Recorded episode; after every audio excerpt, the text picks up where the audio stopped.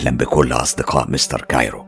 الليلة الاتنين والاتنين في رمضان بنحكي حكايات الجن وبنات العرب. بدأنا أول حلقاتنا في رمضان بتجربة مريم واللي بنكملها سوا الليلة. خلوني بسرعة أفكركم بأحداث الجزء اللي فات. مريم عرفنا إنها في جن ملازمها اسمه حمو لازمها من فترة الطفولة. واللي حصل من أحداث وتفاصيل مفزعة ومخيفة. فعلا تشيب الشعر ممكن تسمعوه لما تسمعوا الجزء اللي فات. لكن إحنا النهارده هنكمل. لما مريم خلفت واكتشفت إن بنتها الصغيرة بتمر بنفس التجارب اللي هي عاشتها ومرت بيها. وده كان مؤشر إن حمو ما كانش بس بيلازم مريم. لكنه دلوقتي أصبح بيلازم بنتها الصغيرة. نفس السيناريو والأحداث بتتكرر وهنا افتكرت مريم شيء مرعب جدا إن أمها دايما كل ما كانت تكلمها عن موضوع حمو وعن كل التفاصيل اللي هي كانت بتعيشها كانت دايما أمها بتتهرب من السؤال ودايما كانت بتقول لها إن كل دي اضغاث أحلام. وهنا قررت مريم إنها تستجمع شجاعتها وتواجه أمها بالسؤال الخطير. يا ترى يا ماما أنت مريتي باللي أنا مريت بيه وده السبب إن بنتي هي كمان بتمر باللي أنا بمر بيه. وهنا كانت انتهت أحداث الجزء الأول من تجربة مريم. حالا هنكمل من أول موقفنا. ماما وسعت عينيها وكأنها بلعت لسانها. اتهربت من سؤالي وطلعت من أوضتي ومن غير ما تقول كلمة. إيه ده؟ يعني الموضوع كله وراثه وتوريث ولا إيه؟ هو إحنا بنورث لبعض الكيان ده؟ ولا في سر مستخبي وأنا مش عارفاه؟ أنا من يومها بطلت أسأل ماما وبطلت أحكي لها عن أحلامي ولا أحلام بنتي. بنتي بدأت تشوف الأحلام والأمر زاد عن حده وخلاني أقلق وأفقد صوابي. وأنا دخلت في مرحلة حزن شديد. الحزن كان بسبب إن بنتي بتمر بنفس تجاربي وهي في طريقها ليهم. بنتي بتشوف الكيان ده لكن ما بتسمعش صوته. مرات بيعطيها حاجة ولما تكون ماسكة كتاب بيلمح لها إنها تحفظ درس معين. وبيشاور بصباعه عليه. ومرات بتشوف ورقة الأسئلة والأسئلة تكون قريبة جدا من أسئلة الامتحان علشان ساعات بنتي ما بتقدرش تذاكر كل الأسئلة أو تتذكرها. وفعلا نفس الأسئلة كانت بتجيها في الامتحان وتجاوب عليها. بنتي أصبحت بتصدق كل أحلامها وتحكيها لي. كانت بتقولي ماما أنا بحلم أحلام غريبة بس ما بقدرش أفتكر كل التفاصيل. أنا أنا لو افتكرت الأحلام دي هجيب أعلى أعلى درجة في المدرسة. هي بتقولي الكلام ده وأنا أنا كنت بتألم جوايا. أنا شفت الكيان حمو وقلت له أنا بنتي هتضيع زيي ومصيرها زي مصيري وأنا على فكرة مش موافقة على اللي بيحصل ده. أنا مش قابلة بيه أبدا. هو رد عليا وقال لي بصي هي مش زيك ولا هتكون زيك. هي هتكون أقوى أقوى منك بكتير. أنت رفضتي تقري الفنجان لأصدقائك وتشوفي حظهم لكن هي هتكون أقوى منك وهتعمل اللي بطلبه منها وهتقرأ الفنجان. أنا خفت وبكيت حسيت بضعف علشان دي بنتي الوحيدة. الكيان حمو قال لي أول حاجة هتعمليها من اليوم ده هي إنك لو جرحتي صباعك أو أي مكان في جسمك الدم اللي بينزل منك لازم تمسحيه في منديل وبعدين تحرقي المنديل ده وبنتك تعمل نفس الشيء. روحي يلا بلغي بنتك علشان هي ما جاش وقتها إنها تسمع صوتي. لكن أحفادي هيكونوا هم اللي معاها بعدي. أنا صحيت من الحلم وفعلا كان إجباري عليا إني أبلغ بنتي الصغيرة. أنا بصعوبة قدرت أقنعها بسبب أسئلتها الكتيرة وأنا الصراحة عجزت عن إني أرد عليها. كنت خايفة عليها كتير. بنتي مرات لون عيونها بيتغير ونبرة صوتها كمان. وحاجة تانية حبيت أقولها أنا عندي سكين تاني خاص ببنتي اللي دبحت بيه أول مرة وكمان عندي لحاف أحمر خاص بيها. أنا خلاص حاسة نفسي جوه دوامة دوامة ومشاكل ملهاش حل ولا آخر.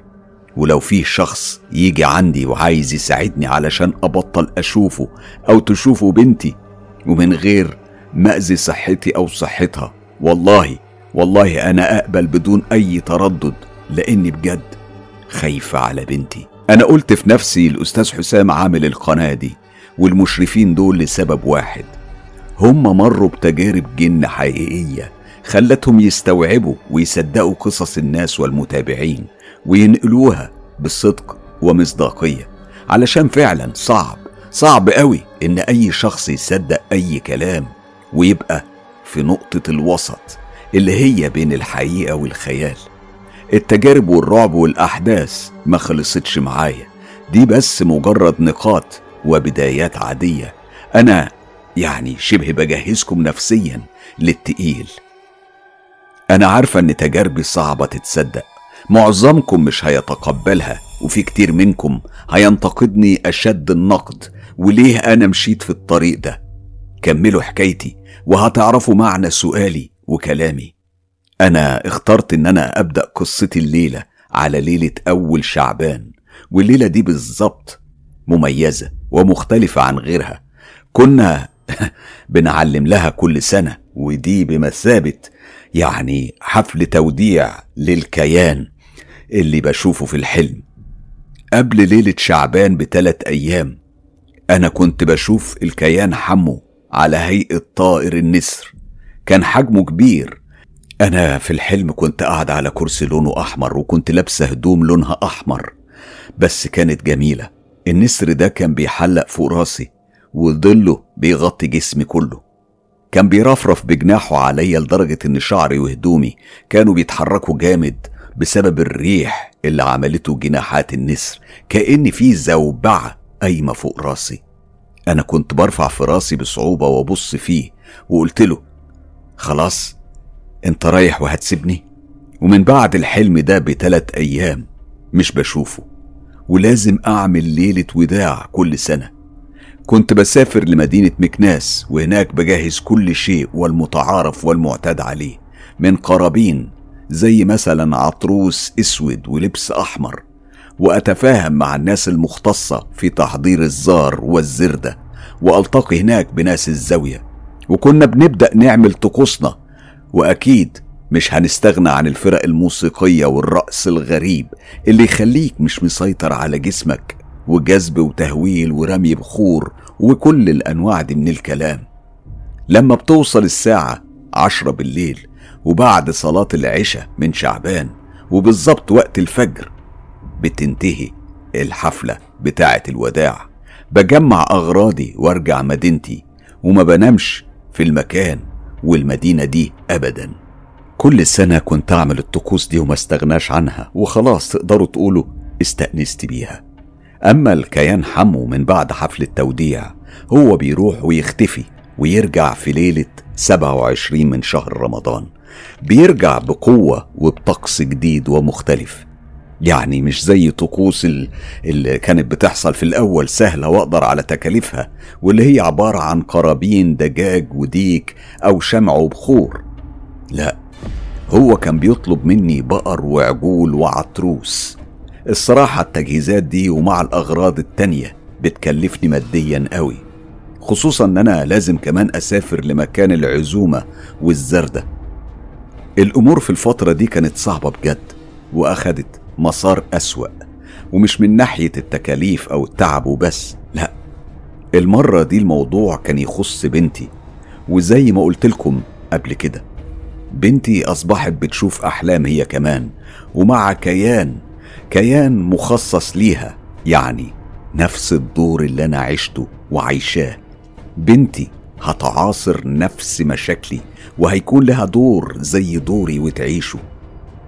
زي ما قلت المرة دي الأحلام كانت صعبة عليا وفوق ما تتصوروا لدرجة إني عيطت بحرقة. أنا شفت حلم قبل تلات أيام من ليلة شعبان. طبعا شفت إني قاعدة في كرسي وفوقي نفس الطير اللي هو النسر وهو بيرفرف بجناحه على جسمي. بس المختلف أو الشيء اللي كان مضاف هنا إني شفت بنتي كمان وهي قاعدة جنبي وعلى كرسي تاني وقدام رجليها كان فيه طير نسر بس أصغر حجما من النسر اللي عندي وأبشع منه ونظراته شرسة وحادة. كان بيبص على بنتي وبنتي كانت مرعوبة منه وبتهش فيه بإيديها علشان يبعد عنها ويروح. أنا من هول المنظر قلت للكيان ده إحنا عملنا حفل توديعك أنت لكن بنتي ذنبها ودخلها إيه؟ وليه الطير ده بيخوفها؟ بص إزاي بنتي بتعيط وهي صغيرة ابعدوا عنها.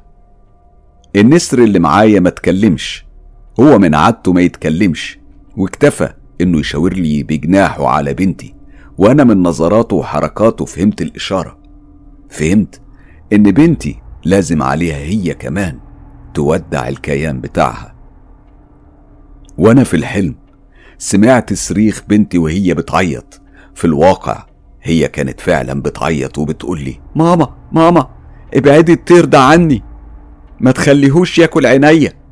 بنتي كانت بتصرخ بقوة أنا صحيت مفزوعة وقمت حضناها وضمتها لحضني وجسمها كان بيرتجف زي القطة اللي تتبل بالمية وبترتعش في الشتاء.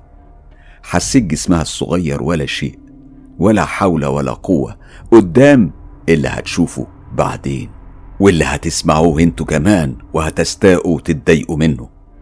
أنا عارفة وأسفة. أنا حاولت أطمنها وقلت لها مالك مالك بس ما تقلقيش مفيش طير ولا حاجة. بصي إحنا في أوضة. أكيد ده كان حلم. قالت لي بس أنا الحلم يا ماما من, من شدة خوفي افتكرته حصل لي بجد. حكت لي نفس الحلم اللي أنا شفته بس كلامي اللي كان في الحلم ما قالتش عليه. بنتي قالت لي ماما أنت خليتي الطير ده يبعد عني ويطير مع أبوه وإلا كان هياكل عينيا وكنت هبطل أشوف. معرفتش إزاي أرد عليها. حبيبتي ده مجرد حلم. انت استعيذي بالله ونامي. هي قالت أعوذ بالله من الشيطان الرجيم. حاولت أطمنها وأخليها تنام جنبي في سريري علشان تحس بالأمان وترتاح وخليت القرآن شغال في الأوضة علشان تهدى أكتر.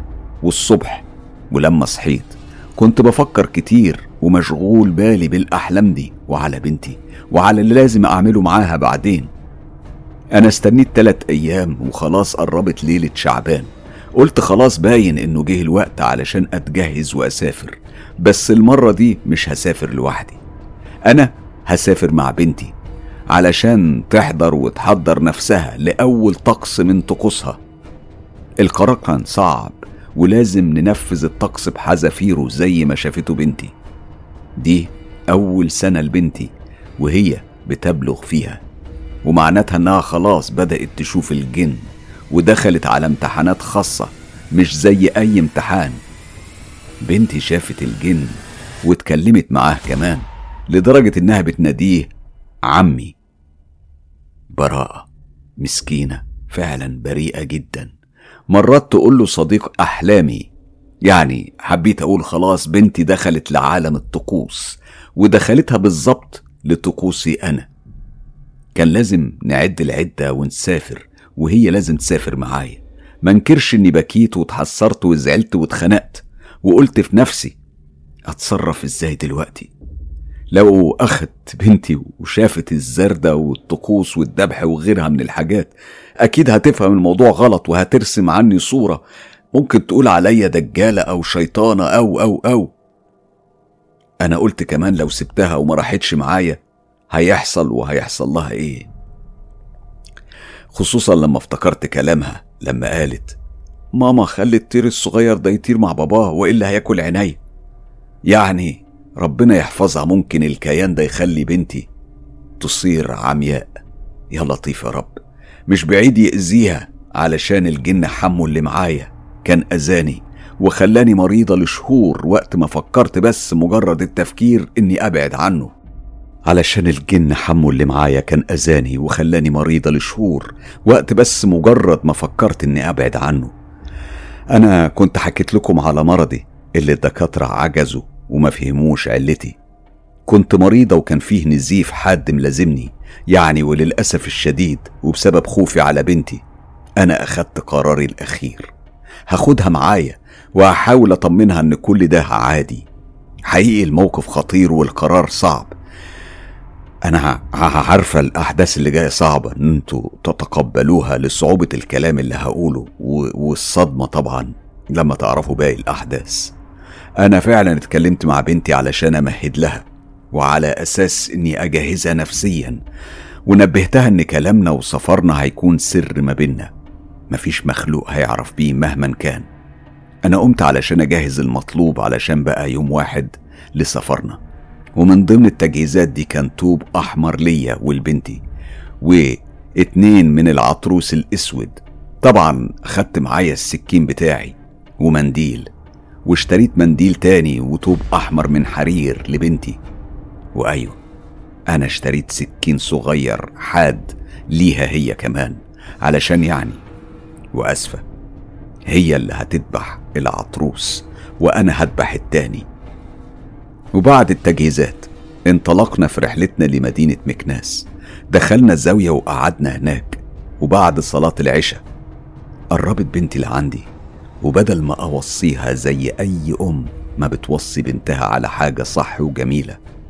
أنا للأسف وصيتها وقلت لها اسمعي اوعي تخافي ما تخافيش أبدا من أي حاجة وخصوصا اللي هتشوفيه. أنا فهمتها إن كل ده مجرد تقاليد وعادات بنقوم بيها وطقوس قديمة وهي مش حرام. وده يا بنتي مجرد حفل بس حفل مختلف وغريب شوية. هيكون غريب عليكي انت بالذات. لكن انت قوية وشجاعة زي مامتك صح ولا لأ؟ صدقوني كنت بقول لها الكلام ده وقلبي بيتقطع وبتوجع من جوايا ومقهورة قوي وأنا شايفة براءة بنتي وملامح وشها الجميل. وهي فرحانة وبتقولي أكيد يا ماما أنا قوية زيك. أنا فرحانة علشان حضرت معاكي للحفلة ومتأكدة إنه هيعجبني الحضور في الحفلة دي. كانت بريئة حتى في كلامها وفرحتها. مش عارفة إن أمها بتسوق فيها لمصيرها وعلشان الطقوس الملعونة إياها. المعروف واللي أنا شخصيا أعرفه إن في مدينة المدينة دي لازم في ليلة الزرد أو الزار نكون كلنا جوه المكان أو بالمعنى مقر الطقوس. وقبل ما تشرق الشمس لازم نكون خرجنا من المكان والمدينة دي ونبعد عنهم. أنا وبنتي أول ما وصلنا المقر المحدد كان معانا واحد شاب هو رفيقي في كل حاجة بيساعدني دايما في إنه يمسك العتاريس والحاجات والهدوم. أكيد هكلمكم عنه أكتر بعد ما ندخل في مزيد من التفاصيل. المهم أنا وبنتي دخلنا أوضة صغيرة تقريبا كانت فاضية وبدأت أجهز فيها. لبستها اللحاف الأحمر واديتها السكينة. لما مسكت السكينة ما قدرتش تمسكه بقوة بسبب خوفها وقالت لي ماما هو ليه كل هدومي لونها أحمر؟ وانت ليه اديتيني السكينة دي؟ سؤالها ده زاد من توتري وقلقي وزاد من خوفي أكتر. أنا سكت وما ردتش عليها علشان جه دوري أنا كمان. أتجهز وألبس اللحاف الأحمر وأشيل السكين. هضيف لكم معلومة والمعلومة دي معلومة خاصة. اللحاف أنتم عارفين إنه لونه أحمر وعامل زي الغطا الكبير زي مثلا الحايك أو ملحفة أو الملاية الصحراوية. أولا بقعد واربط بيه على خصري وبعدين ألفه على كتفي وأعقده كمان وألفه على باقي جسمي. طوله حوالي أربعة متر. من غير ما أغطي وشي. لازم أكون عريانة تماما من غير حتى لباس داخلي ولازم أكون دهنة كل جسمي بالعنبر. اللحاف مش مبين حاجة من جسمي أما شعري ضروري يكون باين ونازل على كتافي. هو طويل وممكن يوصل للركبة ولازم يكون مبلول بماء زهر وممشوط كمان من الطقوس دي إني أحط لبان ذكر أصلي في بقي. كنت جبته من اليمن أما المنديل هو كمان لونه أحمر وبنغطي بيه السكاكين. أما بنتي ما شفتش حاجة في الحلم تخصها علشان أعمله لها. أنا لبستها اللحاف فوق هدومها وخليت شعرها متغطي. الطقوس دي شفتها في الحلم وكان لازم علي أعملها. أنا وبنتي قبل ما نخرج بصيت فيها وكنت خلاص قربت أعيط. مسكت إيديها وطلعنا بره طلعنا العالم وجو جديد وغريب على بنتي. بره كان فيه زي صالات كبيرة ومكان فيه ناس كتير وفرق كناوة وحمدشة وموسيقى السواكن. كل نظرهم كان عليا وعلى بنتي. بنتي أول ما شافت الجو ده وكان البخور مالي الدنيا وعامل ضباب في الجو. وكانت ريحة البخور والعود مالية الدنيا وصوت طبل وغنى. غنى, عالي وبنتي عندها رب. قالت لي وهي مستغربة جدا ماما هو ليه الناس دي كلها لابسين هدوم حمراء وليه بيبصوا لنا بالشكل ده وقاعدين كده ليه؟ هي استغربت منهم علشان الناس دي كانت فعلا قاعدة على الزرابي وعلى الأرض من غير كراسي وفي منهم اللي حاطين راسهم على الأرض بسبب المرض اللي بيعانوا منه أو فيهم سحر أو ملبوسين وجم علشان يتعالجوا في الزر ده. بنتي قالت لي ماما أنا مش عارفة أتنفس الريحة دي خنقاني أنت عارفة إن أنا كده ممكن تجيني أزمة. ماما أنا مش مستريحة للمكان ده أنا حاسة إن أنا هتعب. بقول لك إيه يا ماما ما تيجي نرجع البيت. أنا وقتها ما كانش عندي أي كلام تاني أقنعها بيه ولا حتى أجوبة لأسئلتها. خلص كل رصيدي في الكلام علشان أقنعها. كنت شايفة في عيونها الجميلة الدبلانة والمليانة خوف وقلبي بيموت عليها حرفيا من الوجع. وهنا جه الشاب المرافق ليا واللي بيساعدني وضغط على إيديها اللي ماسكة مقبض السكينة وبعدين شالها وقال لها مالك بس في إيه؟ دي ريحة بخور وعود علشان تبعد عنك العين وشر الناس. دي هتريحك بإذن الله. بص يا ستي كل الناس دول لابسين زيك عادي يعني. دول ناس بسيطة وقاعدين على الأرض علشان ما عندهمش كراسي وعفش. اسمعي خليكي هادية. ولو حسيت إنك مش قادرة تصبري على الجو ده أنا هاخدك بره الجو ده علشان تشمي هوا وهفضل شايلك ما تخافيش. بنتي وقتها حست بالراحة وبعد ساعة من دق الطبول والغنى والبخور جه الوقت الصعب وقت الذبح مكان الذبح كان بره الخيمة كل شخص بيطلع من الخيمة ماسك معاه عطروس وبيذبحه ويرجع عندنا للخيمة. وفيه اللي بيرقص رقص معين وفيه اللي بيتكلم ويتمتم وفيه اللي بيشيلوه علشان كان غايب عن الوعي وفيه اللي مرضى وبيطلعوا بره الخيمة وبيطلب دم الذبيحة علشان يدهنوا بيه أجسامهم. بيقولوا إن الدم ده بيعالج المس والسحر. المهم جه دورنا المنتظر وكنت أول مرة أتوتر في حياتي كلها علشان أنا خفت على ردة فعل بنتي. هنا قرب مني الشاب وهو حامل بنتي وهي ماسكة السكينة وقال لي يلا نطلع بقى من الخيمة أنا معاكم ومش هسيبكم وهخلي يعني حد تاني يجيب العتاريس بره. وقام مسك إيديا وقال لي بنتي اسمعي ماما هتذبح العطروس زي ما كان جدك بيذبح كبش العيد وانتي هتعملي زي ما هي هتعمل بالظبط انت لازم تكوني قوية واوعي تغمضي عيونك وقت الذبح.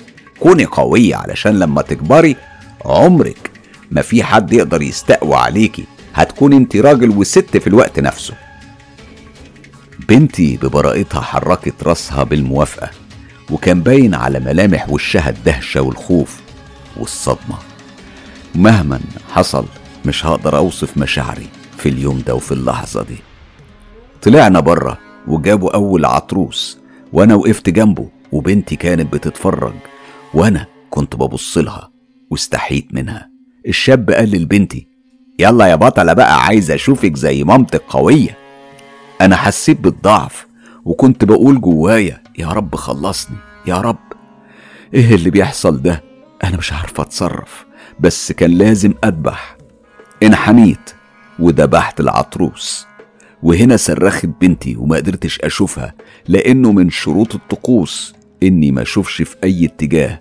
وعينيا تفضل على القربان والدم وبس لغاية ما يتوقف عن الحركة. وبعدين أخلي شوية دم في المنديل اللي معايا والمنديل التاني أغطي بيه القربان. واللي تيجي من الناس المرضى وتقول لي مثلا اديني شوية دم البنت المريضة أو تقول لي أنا عندي سحر أو مس. أنا كنت برضيهم وأساعدهم وكل واحدة أخلي شوية من الدم يا في جسمها يا في في إزازة. لما خلصت الطقوس بتاعتي بصيت لبنتي اللي كان وشها حرفيا مخطوف. الدم كان هرب منه بسبب الخوف. هي جريت ناحيتي وكانت بتقولي ماما ماما. وحضنتني جامد. بس أنا وقبل ما توصل لعندي الدنيا ضلمت في وشي وأغمى عليا ووقعت على الأرض.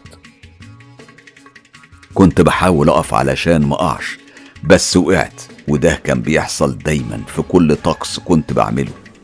كنت بحس إن جسمي اتهز واتشنج وبعدين بقع يمكن نص ساعة أو ساعة وأنا مغمى عليا لما صحيت لقيت الشاب وبنتي معايا وبيحاولوا يغسلوا وشي بمية لغاية ما فقت. أنا حضنت بنتي وقلت لها ما تخافيش أنا بس تعبت من السفر وضغطي نزل شوية عشان ما أكلتش حاجة. حاولت أقوم علشان لازم نكمل الطقوس اللي هو طقس بنتي وجه دورها في الذبح. رجعنا للخيمة وأنا مش قادر أنطق بكلمة واحدة. كنت بتفرج على بنتي وهنا وتحديدا في اللحظة دي رجع الشاب وكان ماسك السكين بتاع بنتي وقال لها أنت نسيتي سكينتك في الصالة. دلوقتي يلا يا بطلة اذبحيه اذبحيه بسرعة علشان نروح نتعشى. مامتك تعبانة وضغطها نزل المسكين. بنتي مسكت السكينة وبصت فيا وقالت لي ماما أنا هذبح عطروس زيك ونروح نتعشى في أحسن مكان في المدينة وهتكوني أحسن كتير. قلبي اتقطع وأنا بسمع كلامها البريء. بعدين اتقدمت قدام وقفت جنب العطروس والشاب ساعدها ومسك العطروس. حطت السكين على العنق وبصت فيا وقالت ماما شوفي بنتك تبارك الله. وقامت ذبحته. كانت بتبص في الدم وهو بيطلع. ولا صرخت ولا عملت أي شيء. بس قبل ما تطلع روح العطروس بنتي اتغير صوتها. سمعنا صوت غير صوتها كان فيه بحة مختلفة وهو بيقول محدش يلمس دم وإلا هيتأذى. بنت عينيها كانت على الدم وهو بيطلع. وبعد ما العطروس بطر حركة سابوا الشاب وبنتي بصت فيا وعينيها وسعت قوي. والسواد اللي في عينيها كان أكتر من بياضه.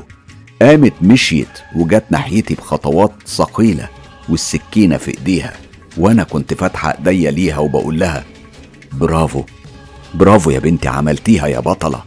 تعالي تعالي تعالي ضمي ماما. وفتحت إيديا.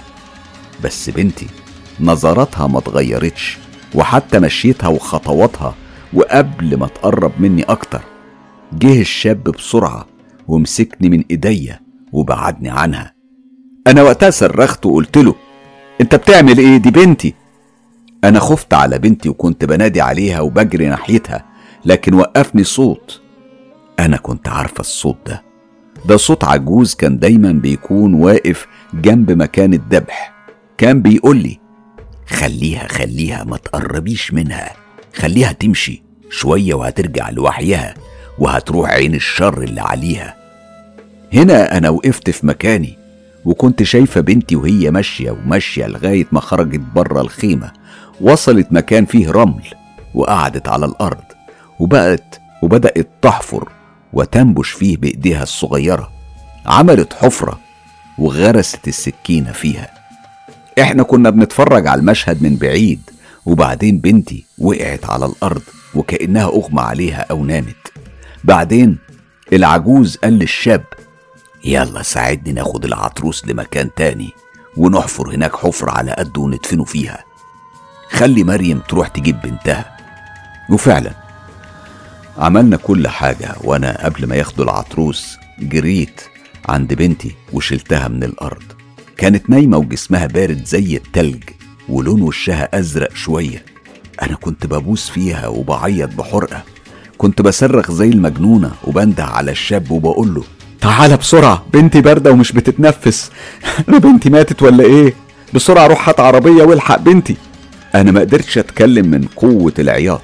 الشاب جرى لعندي. جرى جري وساب العطروس من إيديه وساب العجوز لوحده وخلاه بينده عليه. الشاب مسك بنتي وشاف دقات قلبها وطمني وقال لي ما تخافيش هي بخير. ممكن اتلبست أو اتمست وده سبب البرودة بتاعت جسمها. هنا لحق بينا العجوز وهو متعصب وكان بيقول للشاب يلا بس نكمل وخلينا ندفن العطروس ده قبل أذان الفجر وقبل ما يحصل للبنت حاجة. يلا بسرعة. أنا خفت جدا على بنتي وأخدت السكينة بتاعها اللي كانت مغروسة في الأرض ولساتها ماسكة فيها وشلتها.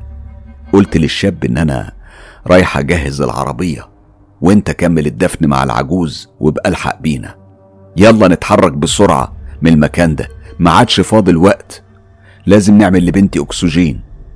أنا كان معايا أنبوبة أكسجين احتياطي في العربية الحمد لله. قمت وغسلت وش بنتي شربتها وغيرت لها هدومها وعملت لها أكسجين. كانت بتفتح عينيها بشويش. وأنا رحت بسرعة غيرت هدومي. وأول ما بنتي صحيت فعلا كانت بتبص حواليها وشافت الوضع عادي وما فيهوش أي دم. هدومها كانت نظيفة وأنا نفس الشيء هدومي نظيفة لأني كنت مغيرة الهدوم. بعدين جه الشاب للعربية وقال أنت أنت أحسن دلوقتي يا بنتي؟ ردت عليه أنا بخير بقيت بتنفس أحسن دلوقتي وحاسة بالراحة. سألها بعدها طب أنت جعانة تحبي نروح مكان نتعشى فيه؟ طبعا طبعا أنا جعانة قوي. وبصت لي يلا يا ماما. وخرجنا من المكان وكملنا طريقنا واتجهنا لمكان تاني بعيد زي استراحة موقف استراحة موقف يعني وفيه مطعم. نزلنا اتعشينا وكنا بندردش والغريبة إن بنتي ما اتكلمتش خالص في الموضوع ولا في اللي حصل في الليلة الملعونة دي. ولحد دلوقتي ما جابتش ولا سيرة على اللي حصل ولا حتى سألتني ومش عارفة ليه وإيه اللي مستخبي. حاسة بنتي مختلفة من ليلتها. أسلوبها وكلامها حتى نظراتها اتغيرت كتير. أنا خايفة جدا ممكن تكبر بنتي وتستخدم طاقتها للشر وأذية الناس. ده طبعا على حسب تفكيري وتفكيرها هي من بعدي. أما أنا طاقتي مش بستخدمها لا للأذى ولا للخير. طاقتي بحتفظ بيها لنفسي علشان بجد. مش عاوز أقحم نفسي في حاجات مش كويسة. كنت بتواصل مع الناس واكشف عليهم وغيره من الأمور لكن ما لكن بنتي في المستقبل ممكن تعمل حاجة حاجة زي دي. أنا مش عارفة تفكيرها كويس علشان هي لسه صغيرة. بس إحساسي وإحساس الأم هو اللي بيقول لي وبينبهني. ولو في مرة أذاني حد أنا ممكن أذيه وده في حالة واحدة بس لما أفقد السيطرة على نفسي. أنا الجن حمو علمني إزاي أكشف على الناس وأفك السحر وقراية العين وإني أتكلم مع قرين الناس. وأنا مش عاوز أدخل في حاجات من النوع ده مع الناس. بس منكرش إني جربت حاجات علشان أتأكد بس إن ليا قدرة واتأكدت منها. ووقفتها. أنا كنت بعالج ومش بسحر وأعرف الشخص المسحور واللي عنده مس إزاي يتعالج. أنا مش عايز الناس تقول عني سحارة علشان مرة قالتها لي بنتي واتعصبت جدا منها. حتى الشاب اللي مش بحكي له كل تفاصيل حياتي كان عقله الباطني بيقول له دي سحارة. للأسف الكلمة دي بتعصب وبتجرح. أنا حكيت على تجربتي مع الطقوس وقصة اللحاف والسكين. ودلوقتي هحكي لكم عن تجربة تانية حصلت لي في السنة اللي فاتت في يوم عاشوراء. لكن قبل ما أحكي حبيت أوضح مين هو الشاب اللي دايما بيكون معايا رفيق طريقي وطقوسي ومشاكلي. الشاب ده أنا اتعرفت عليه سنة 2013 أول لقاء لينا لما كنت مع أختي الكبيرة. وقتها مرينا من باب الوحدة للقوات المساعدة. وقفنا قدام شارع علشان نستنى التاكسي. وشوية جه ناحيتنا شاب وهو بيجري وبيقطع الطريق. كان طويل وأسمراني ولون شعره أسود. ولما وصل وقف قدامي وسلم علينا وقال الحمد لله إن أنتوا ما لقيتوش تاكسي. وإلا ما كنتش هلحقكم. أنا كنت واقف في شغلي جنب الثكنه وبصراحة انت لفتت انتباهي وقلت ضروري أكلمك بسرعة وأرجع مكاني. هو كان لابس لبس عسكري وفوقه معطف. أختي ابتسمت وردت السلام وقالت له أنا فلانة ودي أختي. أنا ما سلمتش عليه وطلبت منه يروح وما يضيعش وقتنا. وقلت لأختي تعالي نغير المكان ونستنى التاكسي في حتة تانية.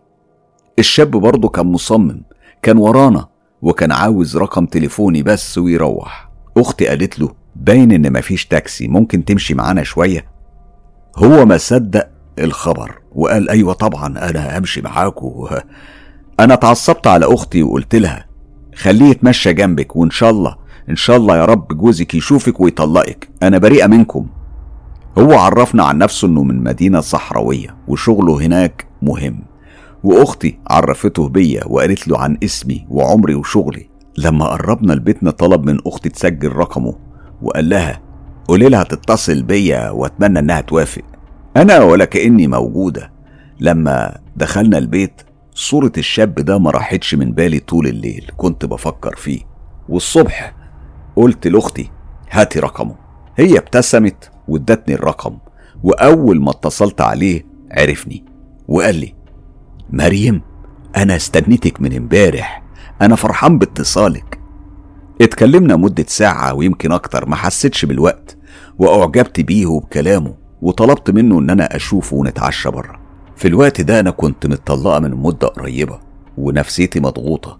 أنا حسيت بالراحة لما رحت للبيت وليلة كاملة وأنا بحلم بيه. فضلنا على الحال ده لمدة تلات شهور والجن حمو ما ادانيش ولا معلومة عليه وقتها. وأنا ما شفتش حاجة وحشة من الشاب ده. كمان بعد مدة سهرنا مع بعض وصرحت إني متطلقة وعندي بنت. هو تقبل الأمر ومن بعد الليلة دي أنا نمت ليلة. ليلة كانت صعبة شفت فيها الجن حمو وهو بيوريني إنه علاقة الشاب ده بيا كانت علاقة سطحية وإن هو عنده علاقات تانية ومنهم من بنات اللي حامل منه واللي عملت إجهاض. أنا وقتها ما قلتش حاجة للشاب علشان لما كنت بسأله كان بيجاوبني بصراحة وما بيخبيش علي حاجة. في النهاية أنا أصبحت مدمنة عليه وكل ما يزيد حبي ليه الجن كان بيحذرني منه. سنة كاملة وإحنا مع بعض لغاية ما قرر إنه يخطبني بس من غير ما يحضروا أهله. صديقه بس اللي كان هيحضر والسبب إن أهله في مدينة بعيدة في نواحي الصحراء. وأمه مريضة وأبوه مطلق أمه. أنا وافقت ويوم الخطوبة فرحت وجه واستقبلته ماما وأختي في بيت خالتي علشان كان في مشاكل بيني وبين بابا. تمت الخطوبة والكل وافق عليه وهنا حبي ليه زاد.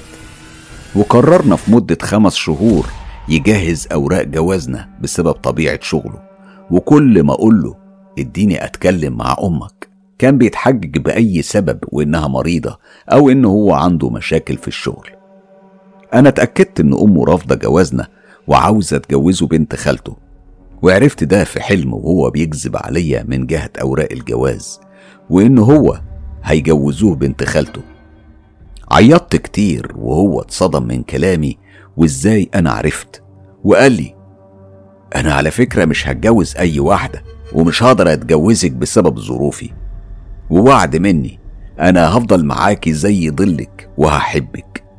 وبالفعل فضلنا مع بعض وأهلي شافوا إن خطوبتي طولت ولما سألوني قلت لهم فسخت خطوبتنا ويجي غيره. أنا وهو لسه بنتواصل دايما وعمري ما شفت في حلم إنه بيخني لكن ماضي علاقاته أنا شفتها. كان الجن حمو بيقول لي دايما مش هيتجوزك وهو ما بيحبكيش بنفس حبك ليه. ده بيستغلك بيستغلك مرات ماديا ومرات علشان شيء تاني. مرة خطبني شخص من بلد تاني عربي.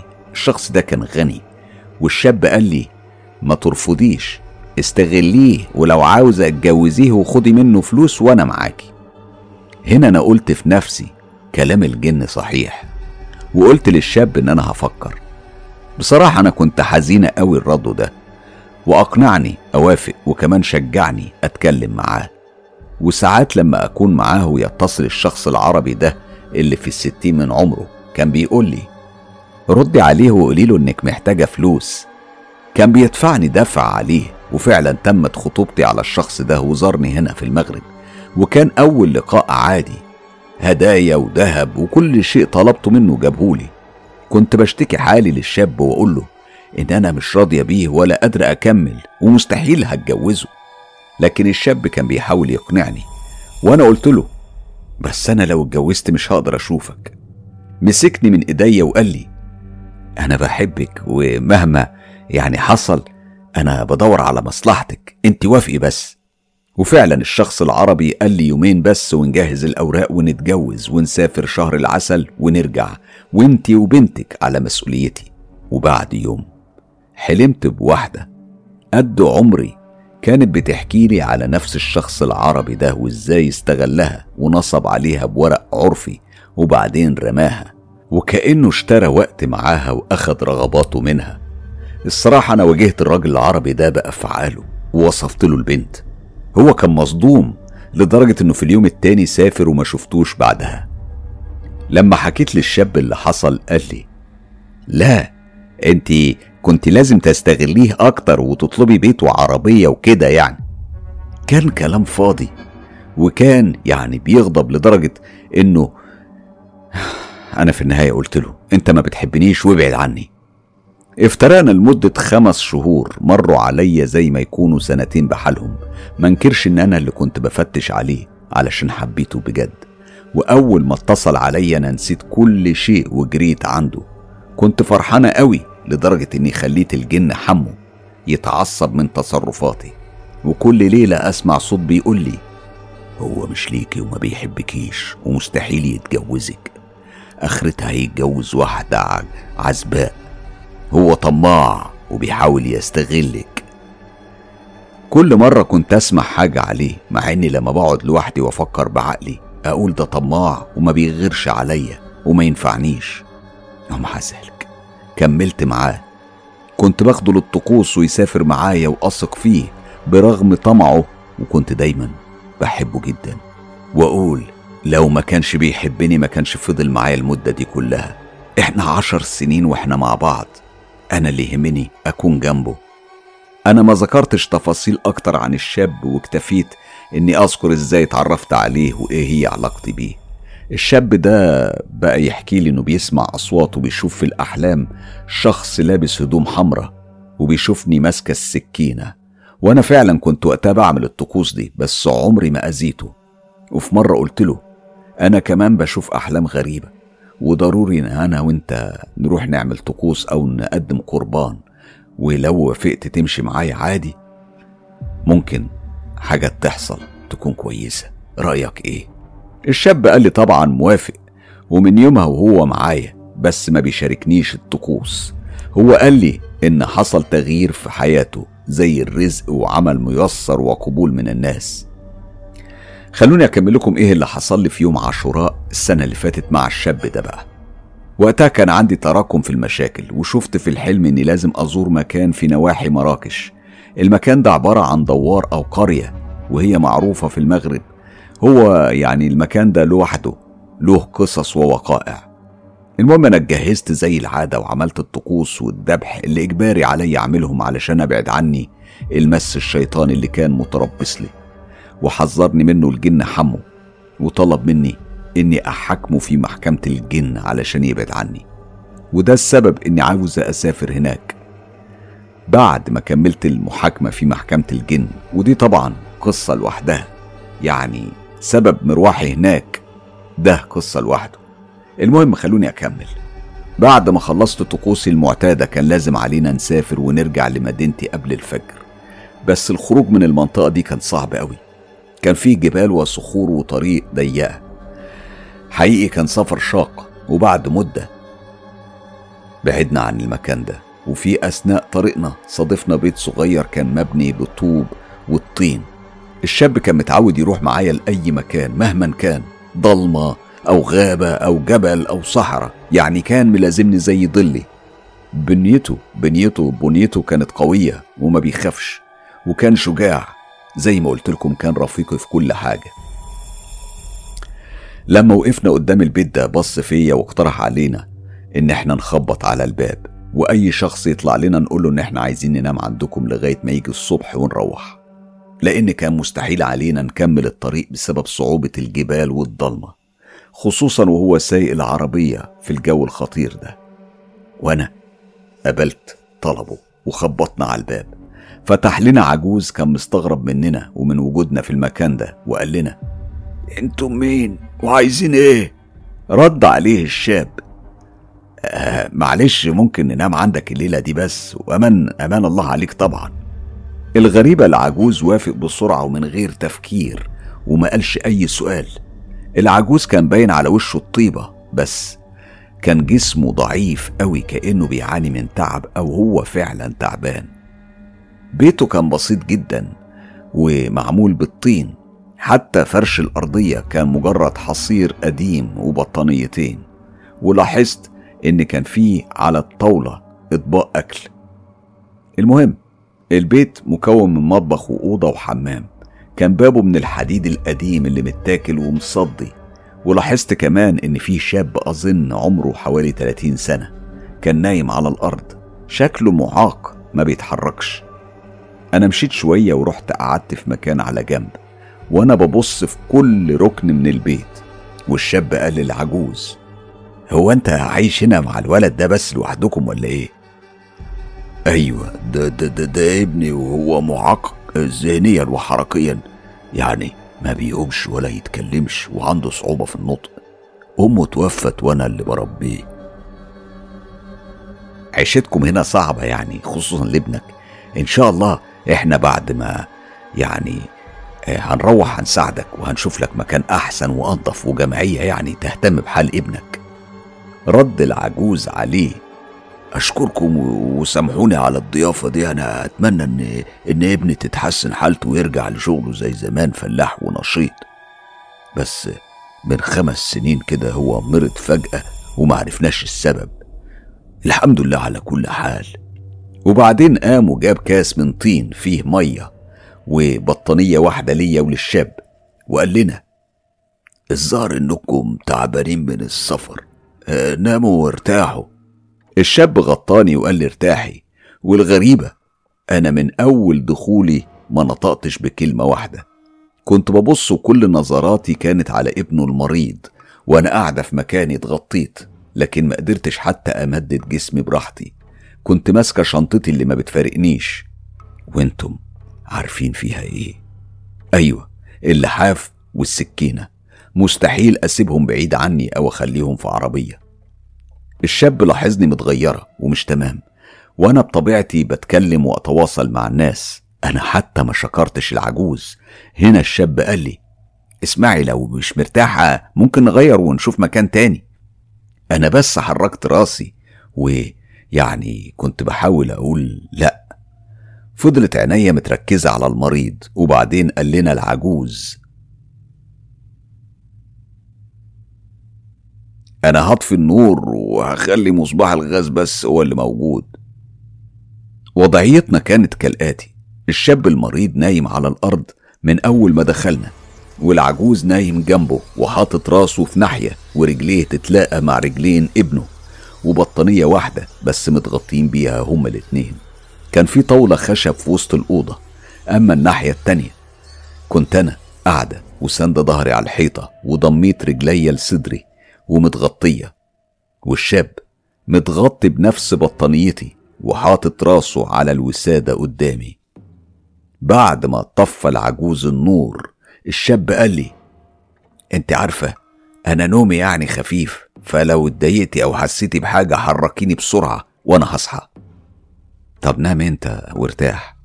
حطيت راسي على ركبي بحاول أغمض عينيا. كنت مرهقة مرهقة قوي.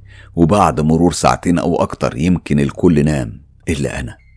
كنت عمال أغير في وضعية واتجاه راسي وبتحرك وما قدرتش أنام. الهدوء والصمت كان مالي المكان. وشوية أنا سمعت الصوت زي ما يكون بحة وكلام مش مفهوم.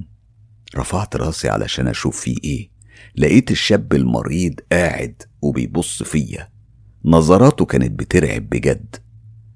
أنا ركزت في عينيه اللي فعلا كانت مش آدمية بس كلامه أنا ما فهمتوش ما فهمتش منه ولا كلمة.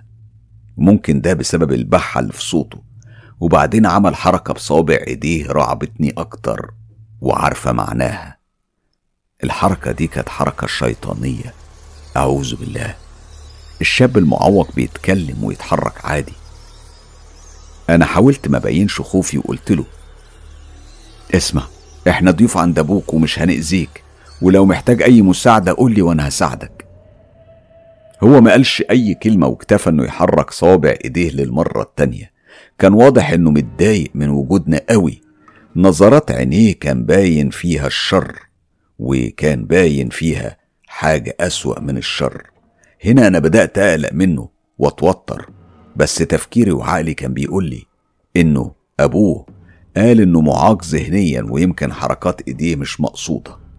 يعني أنا كنت بحاول أهدي نفسي علشان أرجع أغمض عينيا وأتجاهله لكن بعد شوية ولما بصيت عليه لقيته لسه على نفس الوضع وعلى نفس الوضعية.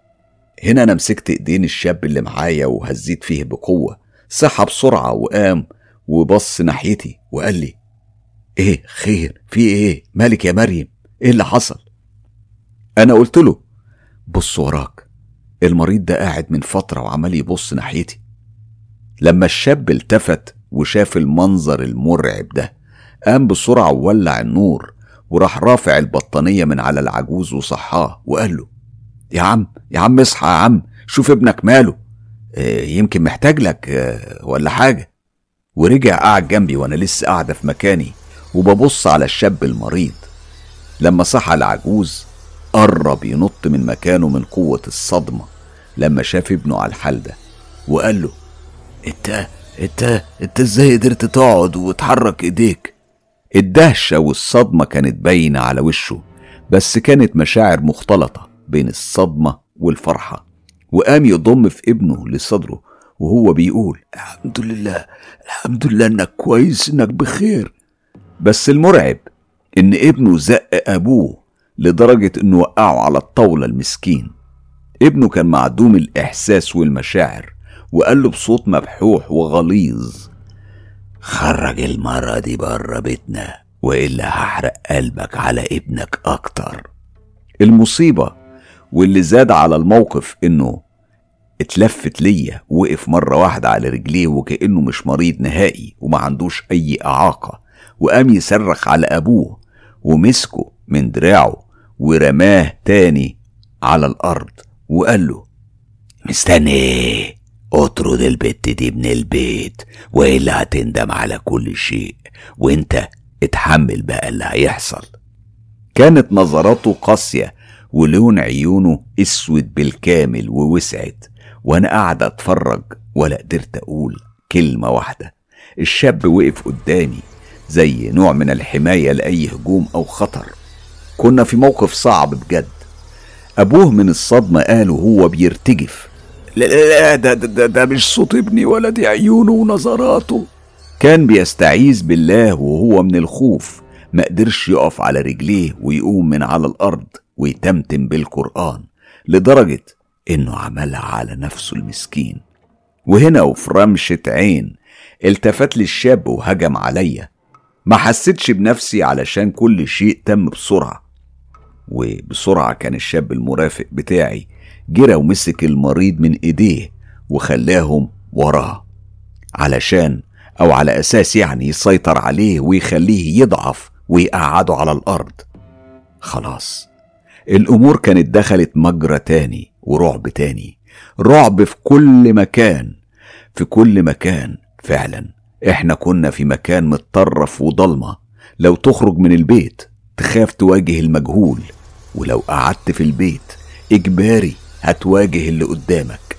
إحنا كنا قدامنا شيطان بكل معنى الكلمة. طب إيه اللي حصل؟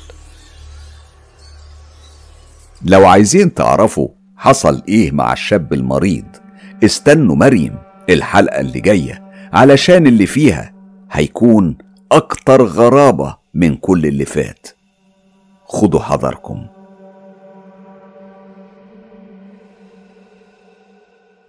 بشكر أديبة قناة مستر كايرو الرائعة صباح نصري على إعادة الصياغة وكتابة التفاصيل بالشكل الأدبي الإذاعي الممتع اللي بيخلينا نعيش الدراما ونعيش الأحداث اللي عاشتها مريم بكل تفاصيلها وكأننا جوه قلب التجربة.